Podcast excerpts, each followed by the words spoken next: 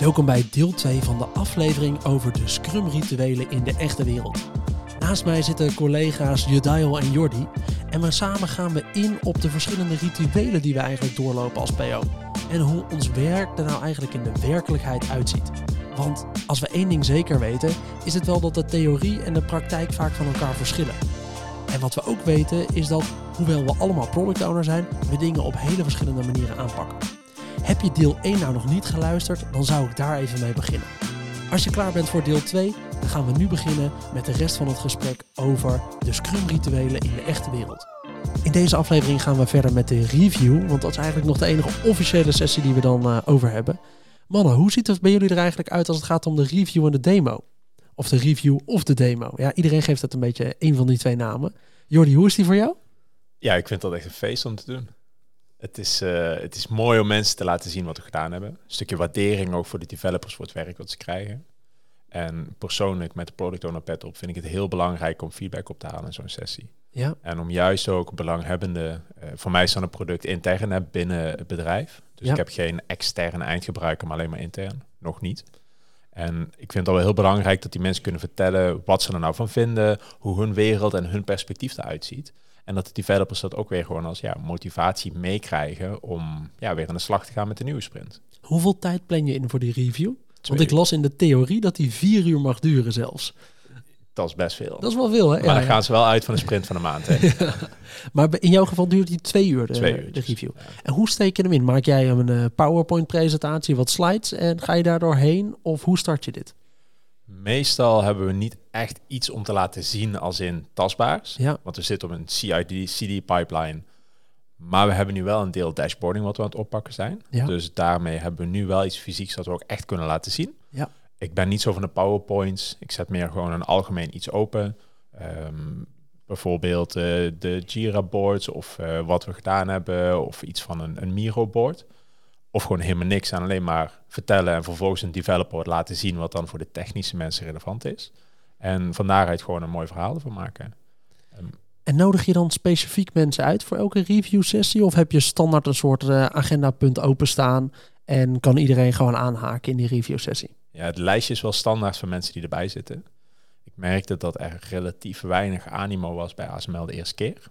Ehm, dus ik ga daar wel hard aan werken om die mensen erbij te krijgen, omdat het gewoon ontzettend belangrijk is dat stakeholders erbij zijn om te weten wat er gebeurt, maar ook dat ze hun mening kunnen geven. Ja. Want ja, hoe verder je uit elkaar staat, hoe potentieel minder waarde dat je echt toevoegt voor een product. Als je niet weet wat er speelt in de markt, en je gaat nog altijd uit van de beleving, linksaf is de juiste kant. En vervolgens blijkt dat die stip op de horizon helemaal rechts staat in plaats van links. Ja, dat gaat in de toekomst wel een moeilijk gesprek opleveren. Maar jij start die sessie wel, dus bijvoorbeeld met een eh, stukje een presentatie over wat, je, wat er dan aan het gebeuren is, wat dan ook de praatplaat is, of het een presentatie, een soort eh, overzicht is, of, eh, of iets van je backlog. Ja. Jij begint eigenlijk met praten. Wat ga je uitleggen in die eerste paar minuten? Nou, een stukje introductie van we zijn hier met team, daar zitten ze, wellicht even met naam, iemand eruit lichten waar ik denk van hé, hey, dat is echt een topper, die heeft wat bereikt, dat wil ik even benadrukken. Ehm, vervolgens, dit hebben we gedaan in de afgelopen sprint, dit was het doel, dat hebben we opgeleverd, dit niet. En wat ik heel belangrijk vind is om een stukje eh, testen, hypotheses opstellen en die te valideren, eh, om dat gewoon continu te doen. Maar van daaruit ook een stukje onderzoek naar bijvoorbeeld nieuwe technologieën gebruiken of dingen anders doen.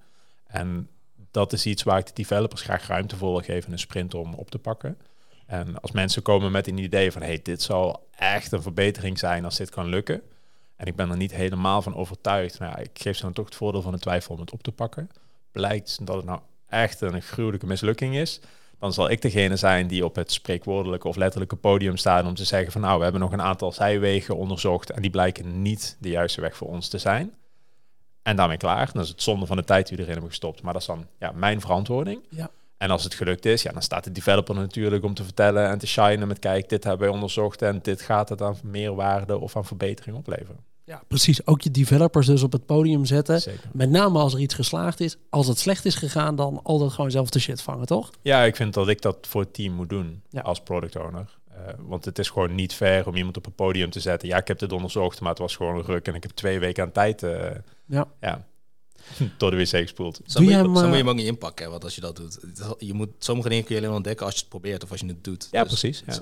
Ja, ik vind dat, Maar ik vind dat dit ook wel die veilige omgeving moet zijn binnen het team. Ja. Hè? Dat ze daar niet zelf staan om te zeggen, dit is niet gelukt.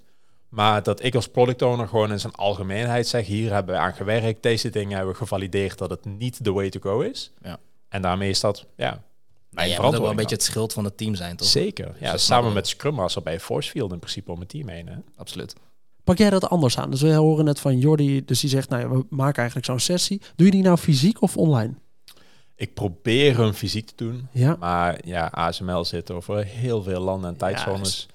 En dat maakt het wel een stuk moeilijker. Plus dat niet alle teams op dezelfde dag aanwezig zijn. Ja. Dus als ik PO's van een ander team binnen ons product nodig heb, zul je zien dat die eigenlijk altijd digitaal aansluiten. Juist. Hoeveel mensen zitten er bij jou in zo'n eh, review sessie? De uitnodiging is voor bijna 50 man. Ja. En hoeveel zitten er daadwerkelijk in? Ja, we waren met 14 de laatste keer. Ah, oké. Nou, dan heb je wel een ploegje bij elkaar.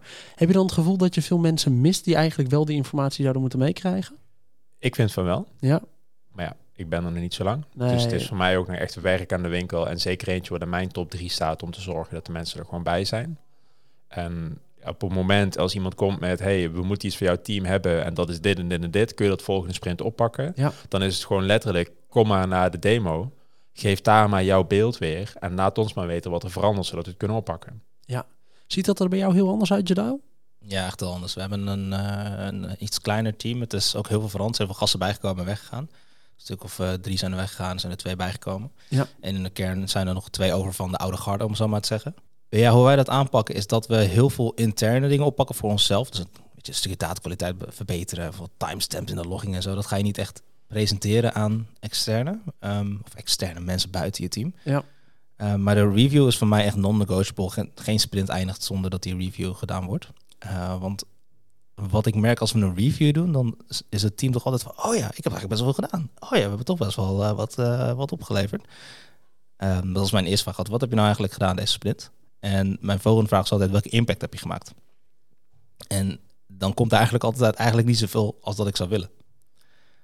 Welke impact had je dan willen maken? Nou, dit en dit en dit. Oh, maar dan is dat toch gewoon een vervolgstory. En dan gaan we de volgende sprint daarop door. Want heel veel dingen die ze opleveren, daar komt altijd weer doorpakwerk uit. Maar dat is bijna, voelt meer als een retro die je aan het doen bent. Zijn, doe je dit met externe erbij in zo'n review sessie? Ja, ook. Ook. Uh, maar echt, als we echt grote externe dingen oppakken, ja, maar we hebben heel veel van die kleine uh, aanpassingen of kleine tweaks die Ja. voor ons intern ook belangrijk zijn, maar voor een externe misschien niet zo interessant om te zien. Ja. Um, Hoeveel mensen zijn erbij bij zo'n review sessie bij jou dan? ah, pak een beetje vijf of zo, of uh, tien. We hebben ook het is echt een kleinere omgeving rond je team die, waarvoor dit echt relevant is om erbij te zijn. Ja, we hebben ook niet zoveel primaire stakeholders. We hebben het uh, Monitoring Operation Center en het Security Operation Center. Dat zijn een beetje de primaire gasten. Ja. En dan daarbuiten nog een handjevol losse beheerteams waarvoor we uh, iets van monitoring inregelen. Ja. Dus Is het voor jullie een belangrijk feedbackmoment? Is het een moment om voor stakeholders om eigenlijk hun input te gaan leveren? Of krijg je eigenlijk al die informatie buiten de review sessies? Nou, goeie. We, we doen het inderdaad. We krijgen ook wel heel veel feedback tijdens die sessies, maar ook daarbuiten vooral. Uh, uh, we zoeken ze gewoon op, weet je. Zoals ik net ook al in de vorige aflevering aangaf, we hebben een gelaagdheid van stakeholders die we aanspreken. Ja. Developers spreken vaak met developers van andere teams of, uh, of beheerders. en ik spreek meer met, met wat met management level. Um, en de feedback verschilt daar ook in. Ik heb al vaker met wat managementteams gesproken en die zeggen, oh, ik weet eigenlijk niet zo goed wat mijn teams doen, maar ik vind het wel heel vet wat jullie doen.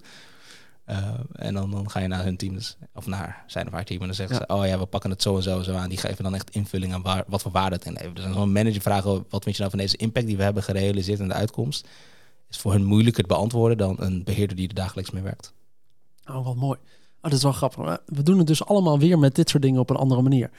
Ik heb uh, afgelopen dinsdag een uh, sprint review gehad. Ja. was digitaal. Uh, de meeste mensen waren ook niet op locatie aanwezig.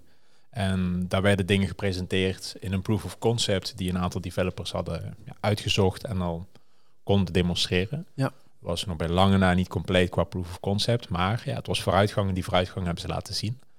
Er waren ook een aantal vragen eigenlijk tijdens de demonstratie en ja, de developer heeft die meteen beantwoord. Dat was een hele mooie dynamiek die ook ontstond. En alle vragen waar je geen antwoord op had, wat gewoon nog niet onderzocht was, heeft hij ook gewoon als zodanig teruggegeven van ja, dit, is een goede vraag. We weten hier het antwoord nog niet op. We hebben dit nog niet onderzocht. Het ligt buiten onze scope, maar dat komt in sprint 2, 3 of 4 hierna komt dat terug. En juist die openheid en transparantie erin was wel heel mooi om, uh, om ook terug te zien. En dat gaf ook wel echt, ja, die, die transparantie kwam er gewoon heel mooi in terug. Dat mensen ook zagen van oké, hier is wel over nagedacht, maar gewoon nog niet onderzocht. En daarom is hier nu nog geen antwoord op. Bij ons ziet het wel weer echt anders uit, die retro. Voor mij is het eigenlijk altijd online. Wij doen het in een half uurtje. Of ik zei de retro, ik bedoel natuurlijk de review. Uh, wij doen het in een half uurtje. Het is eigenlijk een soort online presentatie van wat we nu gedaan hebben. Uh, eigenlijk faciliteer ik hem in de basis. Ik maak altijd een soort slide deck. Ik probeer dat altijd vrij luchtig te maken. Een soort meme of de sprint toe te voegen. Die een beetje uitbeeldt wat we nou eigenlijk hebben gedaan. Meme of de sprint? Ja, dit probeer ik er altijd wel in toe te voegen. Ja, daar doe ik altijd wel mijn best op uh, als, een, uh, als een soort dingetje. Jij bent echt een facilitator ook in die zin. Ik probeer dat altijd wel leuk te maken. Want toen ik binnenkwam bij deze opdracht. Toen waren er bij zo'n sprint review. Nou, pak een beet. De developers plus drie mensen. Ja, oké. Ondertussen zitten er bij zo'n review standaard wel 20 mensen in. En als we een beetje een goede hebben, en ik kondig hem nog even van tevoren aan, zijn dat er nog wel meer.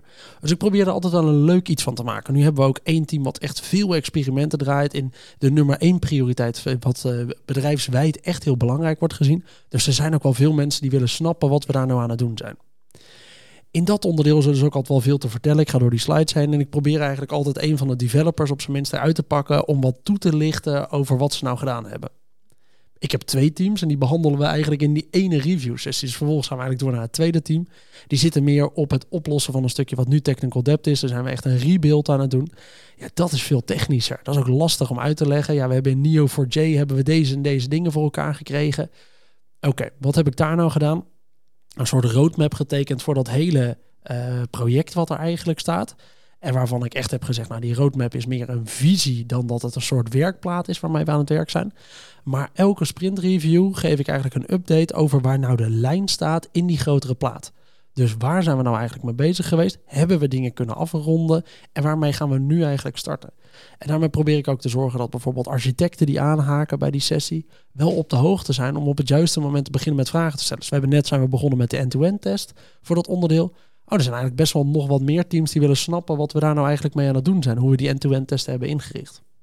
Dus uh, ja, wij doen hem eigenlijk in een half uurtje. En aan het einde probeer ik af te sluiten met vragen. Dat alles in een half uurtje? Ja, en, en daarna is maar dan pap, pap, pap, pap, ram je er tot doorheen. Ja, het is eigenlijk gewoon wel even op snelheid. Want ik vind het dus, ik kan niet verwachten van 20 stakeholders dat ze meer dan een half uur de tijd nemen in een agenda, elke twee weken, om bij mij te komen luisteren naar wat we nou gedaan hebben, de komende sprint gaan doen en hoe ons grotere plaatje eruit ziet. Snap ik, maar is het dan wel de moeite waard om die mensen uit te nodigen als ze niet, want het klinkt alsof ze geen feedback kunnen geven of hun zegje kunnen doen. Nee, dus ik roep ze inderdaad, tussentijds mogen ze inhaken. Aan het einde krijgen ze de kans om vragen te stellen. En geef ik nog eventjes altijd de notitie mee. Heb je nou een van deze punten waarvan je zegt... hey, dat vind ik eigenlijk een beetje raar. Moeten jullie niet hier aan denken? Stuur me zo even een berichtje via Slack en we plannen wat in. Ah, check. En daarmee haal je inderdaad wel... Uh, ik heb hier wel eens gezeten, volgens mij was dat met Robin Schuurman. En die zei inderdaad, nou, als je nou last hebt van veel te veel stakeholders... die je de hele week aan het lastigvallen zijn met losse meetings... ga ze verplichten dat het enige moment is om echt feedback te geven... aan het einde van de review sessie. Ja, dat kun je doen. Maar op een moment heb ik eigenlijk niet zo heel veel stakeholders die echt aan me zitten te trekken en die niet respecteren wat onze prioriteit heeft. Ja, dan is het eigenlijk best wel prima om het op deze manier te doen. En hebben dus veel meer mensen, ja, die kunnen wel een half uurtje vrij plannen elke twee weken. Maar ik durf niet van mensen te verwachten dat ze er twee uur voor vrij nemen. Nee, duidelijk. Bij ons zie je bij een, ja, gaan verder. Ja. Nee, ik wilde eigenlijk naar een ander onderwerp gaan, want ik vond het juist heel interessant om te horen als jij dit soort dingen allemaal aan het facilitaten bent, en je bent geen scrum, je hebt geen scrum master erbij, wel een agile coach. Hoe hou je dan tijd over om die backlog echt goed te managen? Want dat, dat is voor mij dan. Uh, maar laten we eens maar even Jordi's vraag. Nee, laten we doorgaan naar deze. Had je geen vraag meer over? Nee. Dat dan, we, Pim? Ja, dan gaan we door naar die backlog. Ja, dus hoeveel tijd spendeer ik eigenlijk aan de backlog? Nou, dat valt me eigenlijk. Ik had verwacht dat ik er ondertussen nog meer tijd aan zou spenderen. Ik ben op epic niveau aan het prioriteren. En eigenlijk raak ik de backlog, nou, elke week wel aan, maar niet dagelijks. Maar welke backlog hebben we dan? Want je hebt eigenlijk in de theorie twee backlog. Je hebt een product backlog waar gewoon input van werk komt. Dan komt een stakeholder die zegt ik wil dashboardje X. En dan zeg je, ah, dan gaan we een keer uitzoeken of dat kan. En dan zet je het op de backlog, dan moet nog gerefined worden. Ja. En dan heb je de sprint backlog. Dat is gewoon de sprint. Ja, en wij hebben hem, uh, we hebben ook eigenlijk een, een, twee van die losse. Aan de ene kant heb ik een soort van, en dat is voor ons een beetje het refinement board. En daar zit een soort kolom in. De vier? Nee, nee, we hebben, ja, dus uiteindelijk met twee teams heb ik dus wel vier borden. Oh, ja, ja, ja. Uh, maar per team hebben we de twee. De ene is eigenlijk een uh, refinement board. Die heeft een kolom waar eigenlijk nieuwe ideeën op ingeschoten worden. Daar kunnen andere mensen iets op toevoegen. Maar dan moeten ze wel eigenlijk, verzoek ik zal het gelijk om iets van een moment met mij te plannen. Zodat er alleen maar goede dingen in komen met ook echt informatie. Vervolgens hebben we daar in een refinement kolom. Dat zijn de dingen die we bij de eerstvolgende refinement standaard op gaan pakken. En dat is de kolom waar ik ook nog wel eens dingen in deel zetten. Dus dan wil ik nog wel eens, als ik ergens een topic heb gehad waarvan ik zeg, oh, dat gaan we zo en zo doen. Maar ja, volgens mij over drie sprints gaan we een nieuw topic uh, gaan we benaderen. Daarvan weet ik helemaal hoe het er in de, uh, aan de businesskant uitziet. Maar hoe het er technisch gaat uitzien, weet ik eigenlijk niet. Ik heb een van de developers constant meegetrokken in die werkstroom die daarmee bezig is. En die heb ik nu gevraagd: hey, kun je alsjeblieft de tickets gaan schrijven voor dat onderdeel, hoe we dat zo meteen gaan implementeren? Die schrijft dan eigenlijk bijvoorbeeld vier basisstories en die gaan we refinen. En als ze gerefined zijn, dan komen ze bij ons op de grote backlog terecht. En die backlog is eigenlijk gelijk gekoppeld aan, uh, aan de rest, uh, waar je de actieve sprint ziet. Daar maak ik ook de nieuwe sprints in aan. Voor het ene team uh, plan ik eigenlijk één sprint vooruit. En voor het andere team probeer ik er wel twee vooruit te plannen in de hoofdlijn. Uh, en daar gaan we dingen inslepen. Ik vraag ze ook altijd wel zelf om daar wat dingen in te slepen. Maar in de hoofdlijn ga ik echt wel kijken, met name in die twee geplande sprints, hoe het werk daar staat. De rest van de backlog, daar kijk ik wel naar. En daar zet ik wel dingen op lage prioriteit of hoge prioriteit. Hoge prioriteit gaat ook altijd heel snel er doorheen alles wat op medium zit, kan ook eigenlijk altijd wel een beetje daar rond blijven hangen. Als je gebruikt echt die prioriteit om aan te geven, dit moet, uh, dit moet de volgende sprint oppakken. Dit gaat gewoon nu opgepakt worden. En ja. heel veel, we, we, zien daardoor wel dat je alles wat op medium prioriteit eindigt of op low, blijft ook een beetje hangen. En eens in de zoveel weken, dan eigenlijk als we tijd over hebben, vaak met een refinement sessie, dan zeg je, hey jongens, we pakken even die backlog erbij. Staan hier nou nog dingen in die we eigenlijk nu een beetje aan het vergeten zijn? Waar we eigenlijk nog eens een keertje een tweede blik op moeten werpen. En die we misschien wel een andere prioriteit moeten gaan geven. Dus op die manier uh, benader ik hem eigenlijk een beetje. Ziet en, dat er bij jou anders uit? Nou, ik ben, ik ben heel benieuwd waar jij je input vandaan haalt. Want jij werkt op Epic niveau. Ja. Fabian. Um, input komt uiteindelijk vanuit je stakeholders. Dus ja. je bent eigenlijk de hele dag met stakeholders in gesprek om te ontdekken wat willen ze nou en waar, waar kunnen wij waarde toevoegen, denk ik. Je hebt zo uh, wat uh, 10, 15 epics of zo. Ja. Dan een beetje de ballpark. Nee, dus uh, op het moment werken we denk ik richting, uh, nou, met het ene team een, stuk of zes, zeven grote epics waar we mee bezig zijn. Die heb ik dus ook een beetje geprioriteerd in welke periode we daaraan werken. Dus we hebben letterlijk gaan we komende sprint, gaan we één epic proberen. Eigenlijk naar daar de, om de eerste iteratie voor elkaar te krijgen, gaan we in één sprint doen. En in die, die sprints daarna gaan we echt wel werken aan de tweede en derde iteratie van dat product. Maar in één sprint gaan we proberen de eerste, eerste iteratie ook neer te zetten. Dus op zo'n manier gaan die epics soms ook best wel snel. En natuurlijk zijn er wat van die grote epics die je meesleurt. Want het andere team die met een groot product bezig is, uh, zo'n rebuild, ja, die is echt wel langere tijd met één epic bezig.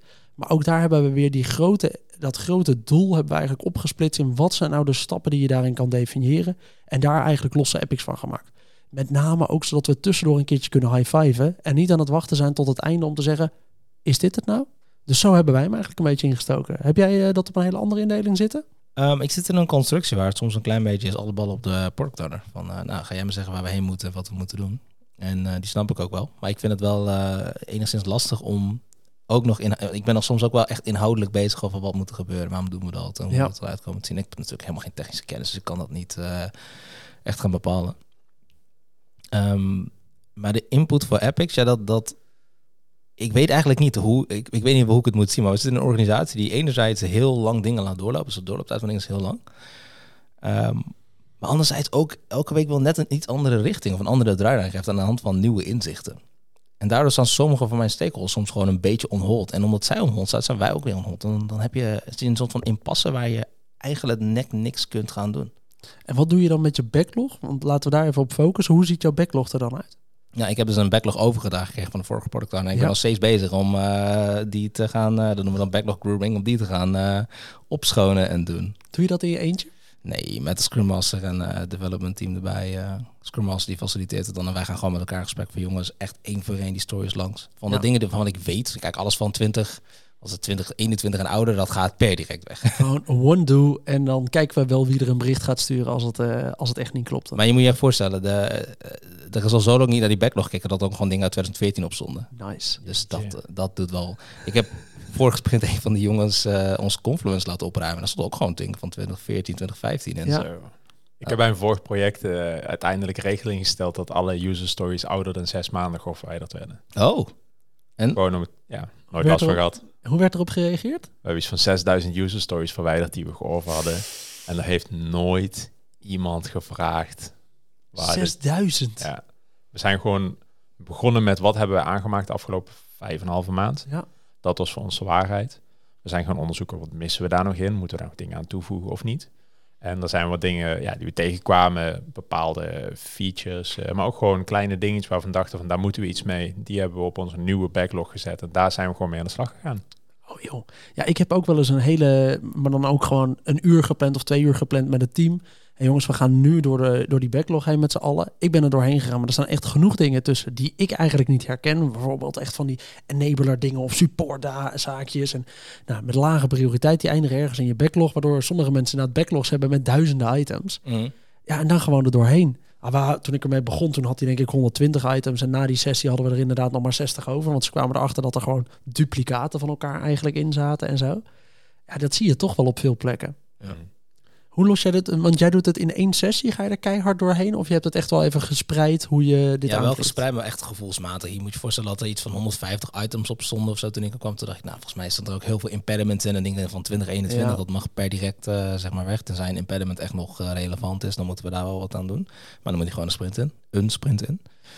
Ehm, elke sessie duurde een half uur tot een uur. En dan kwamen er, kwamen, ja, dan gingen er weer 30 tickets vanaf. Of 30, eh 30 stories vanaf. Dus we zitten nu op een, eh, een 80, 90 eh, backlog items. Waarvan ik nog steeds we- denk dat de helft gewoon weg kan. Maar we moeten het weer een keer over hebben. Dus ik ben een beetje gevoelsmatig van ik denk van oh, nu hebben we capaciteit om aandacht te schenken hieraan. Ook headspace om daaraan te denken. Want we Ja. zijn eigenlijk continu bezig met heel veel ja, een hele grote verscheidenheid aan, eh, aan zaken. Want we gewoon een security team zijn. Ja. Dus je kunt ook niet zomaar iets weggooien, want het heeft wel te maken met veiligheid. Weet je? Dus we hebben ook security analisten die willen iets van ons. En eh, dan zeggen van ja, maar dit hebben we al een jaar niet aangeraakt, dat kunt er gewoon wegdoen. Zegt de gast, ja, nee, dat kan niet, want het is, eh, dan zijn we dus niet veilig. Ja, Oké, we gaan- wanneer gaan we het oppakken dan? Ja, nu even niet. het is een beetje zo'n impasse waar je dan niet. eh, die, die security, dat security component Ja, maakt, het dat je minder snel keuzes kunt maken soms. Ja, precies. Ja, bij, bij mij heb ik tegenwoordig op dat refinement board, als, we de, als er stories tussen zijn gegooid door bijvoorbeeld een, eh, een stakeholder die zelf dacht, nou, ik knal wel even wat in die to-do-list, of een developer die gewoon te horen had gekregen van iemand, hey, ja, kun je dit even regelen? Ik vraag tegenwoordig gewoon aan die developers, is dit iets wat we in de komende twee maanden gaan oppakken? Nee? Oké, zullen we het dan ook gewoon niet refinen en gewoon teruggooien in die lijst en zorgen dat het ook niet op de backlog terechtkomt? Want dat zorgt echt, ja, uiteindelijk is het allemaal shit in, shit out natuurlijk. Als je het daar al door laat gaan, ja, dan staat het op je backlog en dan moet je er altijd nog eens een keertje naar kijken. Dus ik probeer daar tegenwoordig echt een filter op te stellen van jongens, gaan we dit oppakken of niet? Ja, het is eigenlijk niet zo belangrijk, maar het zou leuk zijn voor dit. Oké, gaan we dus niet doen. Dus dat is wel een mooie. En in combinatie met de prioriteiten die je geeft, kun je er ook nog eh, mee spelen. Toch als iets low prior is en al heel oud, dan sowieso weg. Weg. Ja, precies. Zo, ja, zo pak je dat toch aan. Nou, als we het dan toch over die backlog hebben, moeten we het misschien maar eens even hebben over hoe die backlog eigenlijk volloopt.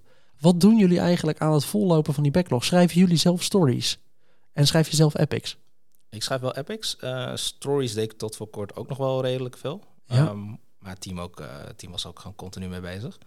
Eh, maar ik probeer dat steeds meer bij hun te laten. Ze hebben de inhoudelijke kennis. Als ze mij vragen, kun je even deze story maken? Ik zeg, nee man, dat moet je gewoon echt zelf doen. Je.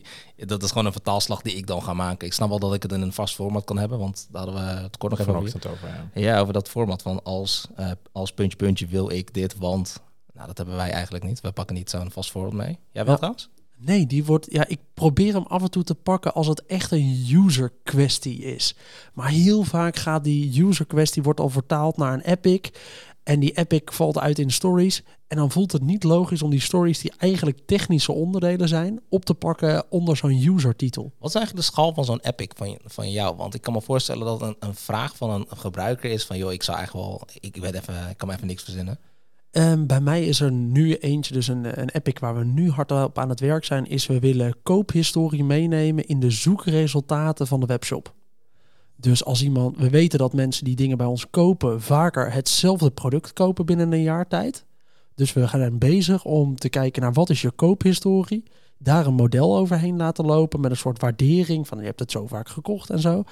En dat willen we meenemen in de zoekresultaten. Waardoor eigenlijk als we weten, oh je hebt deze accu eerder gekocht. Waarschijnlijk wil je die nog een keer hebben. Dan vind je die nu zometeen terug in je top 10 resultaten. En dat is er weer 10 stories onder om die epic te realiseren. Juist, dus nu is eigenlijk die epic is eh, rond de eerste iteratie een personalized ranking. En wat hebben we in personalized ranking? Oké, daar vallen een aantal acties onder. Als we die zo meteen hebben, daar vallen een paar grote stappen binnen. Als we die hebben afgerond, is die epic ook afgerond. Dan komt er altijd nog een optimalisatiefase achteraan. Maar dat wil ik echt in een losse epic hebben en niet in diezelfde. Dat is ops, toch? Dat is niet dev. Ja, precies. Dan ga je een stukje op en dan gaat er nog een data scientist mee aan de gang. En die gaat uitzoeken, oh, als we nou één jaar gebruiken of twee jaar gebruiken... of we moeten minimaal vijf keer iets aangeschaft hebben... dan gaan we het extra boosten. En er zijn er honderden mogelijkheden. Dus dan wil je eigenlijk dat dat inderdaad in een soort doorlopende iteraties en verbeteringen zit. Kun je ook wat vertellen over waar die Epic vandaan kwam? Of had je dat zelf bedacht? Dat aan de hand van wat je hoorde van je stakeholders? Ja, dus in dit geval hebben ze intern een soort werkstromen opgezet met een, rond een aantal ideeën die we hebben opgehaald uit de markt en van users. Dus er was een stukje user research, maar er was ook eigenlijk competitor research. Wat zien we anderen nou bijvoorbeeld doen en hoe zouden we zien we dat in andere branches en wat zouden we mee kunnen nemen? Daar zijn een aantal van die grote topics uitgekomen. Er is ook eigenlijk een soort werkstroomleider opgezet van hey, oké, jij gaat je daarop focussen. Nu blijkt alleen als het op findability aankomt dat heel veel van die teams afhankelijk zijn van mijn team. Uh, dus ik ben heel erg aan die werkstroomleiders aan het uitleggen geweest. Oké, maar dit wordt de prioriteitsbepaling. We gaan eerst dit afronden, daarna gaan we daaraan beginnen en daarna gaan we pas itereren. Maar die zijn bij jou op de lijn gekomen of jij bij hun? Nee, die komen bij mij in principe op de lijn. Ah, oké. En ik zit zelf, zorg ik dat ik natuurlijk op de juiste plek in die gesprekken al zit, dat ik alles tussentijds opvang. Uh, om ze ook de juiste verwachtingen mee te geven. Ja, check. Dus dat is wel grappig. Jordi, schrijf jij epics en uh, stories? Zeker, ja. ja. Ik was wel benieuwd, Pim, of jouw epics jouw roadmap zijn. Mijn roadmap bestaat inderdaad uit voornamelijk epics die ik heb getekend. Ja, dus bij ons inderdaad ook. Ja, En- Voornamelijk Epics. Ja, er staan nog wel eens andere dingen tussen die ik nog niet direct als epic heb eh, Oh, vertaald. Maar in de basis staan daar, de epics staan in de roadmap weergegeven. De epics zijn bij ons ook de dingen die vanuit stakeholders komen, die ze gedaan willen hebben. Ja. Eh, dus grotere zaken waar we moeten gaan werken op het platform. Daar maken we zelf onze user stories onder. En een user story heeft ook weer taken. Ehm, als het gaat om echte details, hè, dan ja, kijk, als het gaat, we hebben een platform CI/CD waar we continuous en autonomous deployment eh, realiseren. Ja, ik weet wel wat het betekent en ik kan er ook goed over meepraten. Maar ik kan echt op technisch vlak geen user story schrijven hierover. Want Nee. Het gaat zo diep de techniek in. Dat moet gewoon iemand doen die hier onderzoek naar heeft gedaan van wat is nou precies de vraag en hoe moeten we dat gaan oplossen. Ja. En die hoe is iets wat we heel vaak met een, eh, een zusterteam wat naast ons opereert, eh, vaak mee overleggen.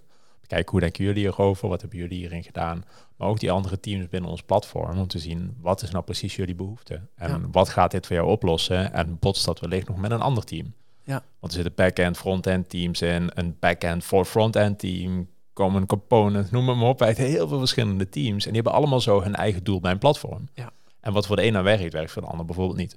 Dus dat nemen we ook mee in de user stories, dat we dat echt compleet hebben voordat we eraan beginnen.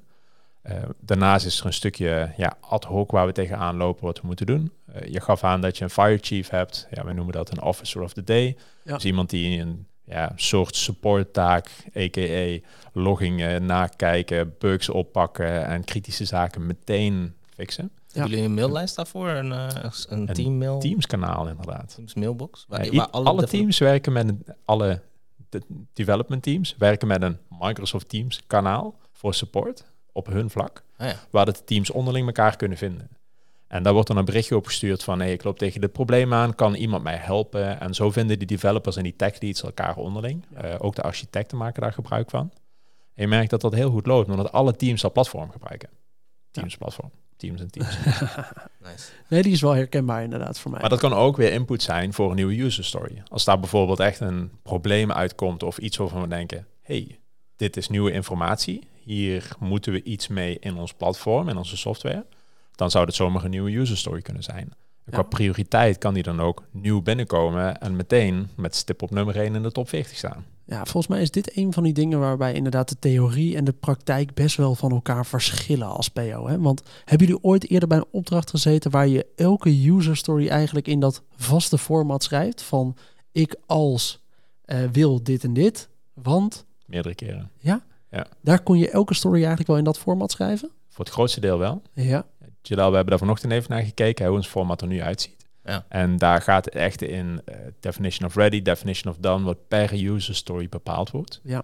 Want er is ook niet één definition of run of definition of ready wat voor ons past binnen, oké. binnen een user story. Dus je wordt ook gedefinieerd met degene wat aanvraagt. Ja. En specifiek op de situatie toegepast. En dat is Ah. letterlijk een user story binnen Jira met de omschrijving hoe dat het zou moeten worden. En die heb ik in mijn eh, favoriete balk staan. En kopieer, plak ik erin en dan vul Ja. ik hem in. En dan vraag ik een andere, hey, ik heb details nodig. Alsjeblieft, hier is die. Veel plezier. Heb jij hem wel eens gehad, uh, Jadail, dat het echt volgens dat format elke story kon? Nee, we hebben één projectleider die schiet dingen bij ons in. Uh, Ja. En die wil wat van ons zien. Die doet het echt in dat format. Ja. En dat werkt prima. Maar eh, het hoeft eigenlijk niet, want we zitten zo dicht op de bal. Omdat we best wel een hecht team zijn. Ehm, en de refinement is ook wekelijks. Dus bij ons zitten we eigenlijk zo dicht op de bal dat dat het niet nodig voelt om dat te doen. Het, geeft natuurlijk wel meerwaarde van een vaste structuur. En dan hoef je geen vragen te stellen. Het zou misschien wel handiger zijn, maar op dit moment hebben we bigger fish to fry, om het zo maar te zeggen. Ah, die is wel mooi. Hey, we hadden in de vorige aflevering, benoemde jij het al eventjes tussendoor. Eh, ja, wat doe je eigenlijk met story points? Ik vond dat we daar voor het einde van deze aflevering in ieder geval nog eventjes naar terug moesten gaan. Eh, want ja, als we het over stories hebben, nou, die we blijkbaar allemaal zelden nog schrijven. Af en toe schrijf je er wel eens eentje, maar je bent met name op epic niveau bezig. En de developers zelf schrijven vaak die stories. Maar ja, daar heb je nog ergens story points. Die zitten ergens als onderdeel van je refinement sessie. Wat doe je met story points? En hoeveel kijk je daar eigenlijk naar? Ja, ik ben verplicht om ze te schrijven. Oké. Omdat Jij we- bent verplicht om ze te ja, schrijven. er zit iemand in de hiërarchische lijn naar boven. Ja? Ik zal niet zeggen welke micromanager het is. die eh, heel graag storypoints wil zien om te checken hoe teams eh, performen. Dus jij zet daar standaard een nulletje achter. Ja, ik ben het hier dus helemaal niet mee eens. Want storypoints is iets wat je binnen je team gebruikt. Ja, wat de vorige afleveringen even erover. Om zelf te bepalen hoe goed je het hebt gedaan en waar je stond. Ja. En hoeveel je al weet over een product. En ik denk dat dit een, een metric is wat ook niet het team moet verlaten. Wat echt gewoon binnen het team moet blijven. Ja. Ehm, los daarvan denk ik dat op een of andere manier monitoren hoeveel tijd dat je denkt dat je in iets gaat stoppen om het klaar te krijgen. En hoeveel dat je daadwerkelijk instopt. Ja.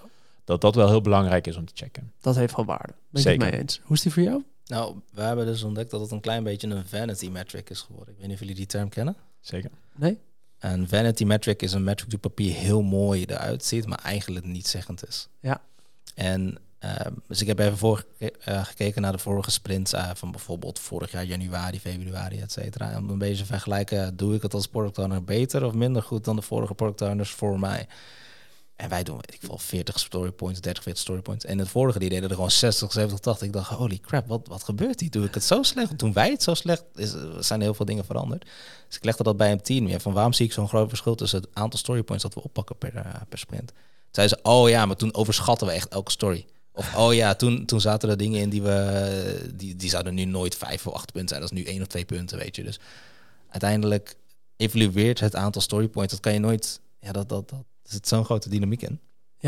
Want heb je een soort basismetric van als het vijf story points zijn, dan zijn we daar ongeveer zoveel tijd mee kwijt? Of relateer je het nooit terug naar tijd? Dat is eigenlijk een beetje stout. Dat doen we dus wel. We, we pakken ja, vijf points, een dagje, anderhalf dag werk of zo. Eén point, ja, dan ben je even een uurtje even een mailtje sturen. Maar één is geen, dus doen we altijd twee. Dus eh, Ja. om, omdat je altijd reactie krijgt. Eh, wij werken ook met de, de Fibonacci, dus altijd 1, 2, 3, 5, 8. Ja. En meer dan acht punten wordt het eigenlijk nooit, want dan, dan vinden wij de story te groot om hem in twee weken echt serieus af te ronden. Ja, Ehm, acht, dat is gewoon meerdere dagen werk, zeg maar. ja. Daarboven eh, doen we dus eigenlijk niet. Oh, dat is wel grappig. Die is wel anders dan bij mij. Hoe is die bij jou? Nou, ik vraag me sowieso af of een user story groter dan één dag aan werk moet zijn van één persoon. Is dat zo? Want wij hebben inderdaad ook gewoon de, de Fibonacci-structuur natuurlijk. Ehm, maar daarbij zeggen wij eigenlijk, ja, wat ook een beetje fout is, maar dat heb ik in de, met de developers op een gegeven moment in een sessie hebben we bepaald hoe we nou story points wilden gebruiken, wat voor ons als team het meest nuttig was. Zeiden ze, ja, maar ja, wij zien het een beetje als tijd. Ja, ga het maar terugrekenen. Als je kijkt naar de afgelopen story points, zien wij het een beetje als een, nou, één punt is een dagwerk.